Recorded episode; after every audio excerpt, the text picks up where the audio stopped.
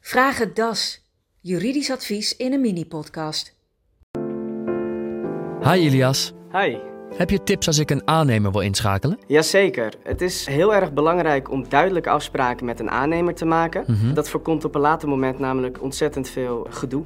Oké, was dat tip 1? Nee, natuurlijk niet. Dit is iedereen eh, bekend natuurlijk. Mijn eerste tip is check of je een vergunning nodig hebt. Oké, Op de website omgevingsloket.nl kan je controleren of een vergunning nodig is. Daar kan je hem ook meteen aanvragen mocht dat nodig zijn. dat is inderdaad een goed startpunt. Ehm, en verder? Tip 2 die ik kan geven, zorg ervoor dat je bij verschillende aannemers een offerte opvraagt. Kijk dan niet alleen naar de prijs, maar ook naar de algemene voorwaarden. Op welke punten in de voorwaarden moet ik vooral goed letten? Controleer vooral hoe het zit met de betalingsvoorwaarden, garantie, maar ook de aansprakelijkheid.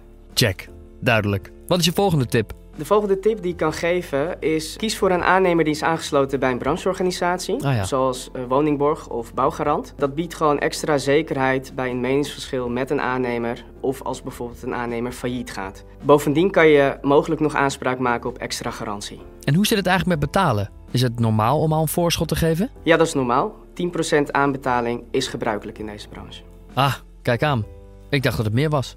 En kun je de rest na afloop betalen? Nee, dat ligt toch net wat anders. Het is namelijk zo dat een aannemer soms tussentijdse betalingen kan vragen. Ah ja. voor bijvoorbeeld het betalen van een onderaannemer of aangeschafte materialen. Zorg ervoor dat de aannemer tekent voor ontvangst van de tussentijdse betalingen.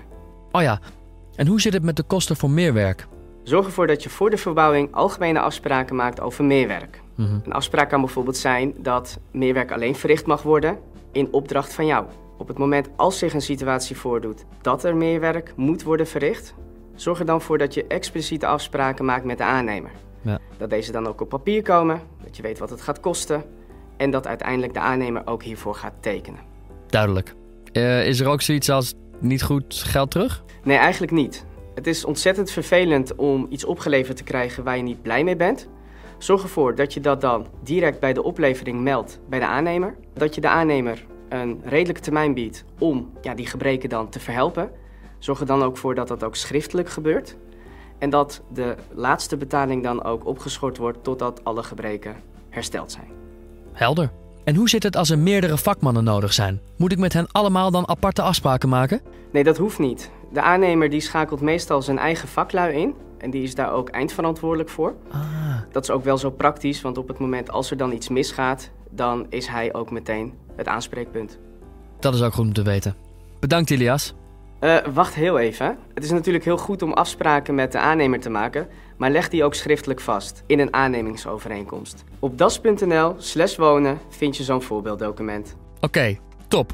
Was dat hem wel? Ja, dat was hem. Mooi. Bedankt, Ilias. Graag gedaan. Meer weten over verbouwen en de aannemersovereenkomst? Ga naar das.nl/slash wonen.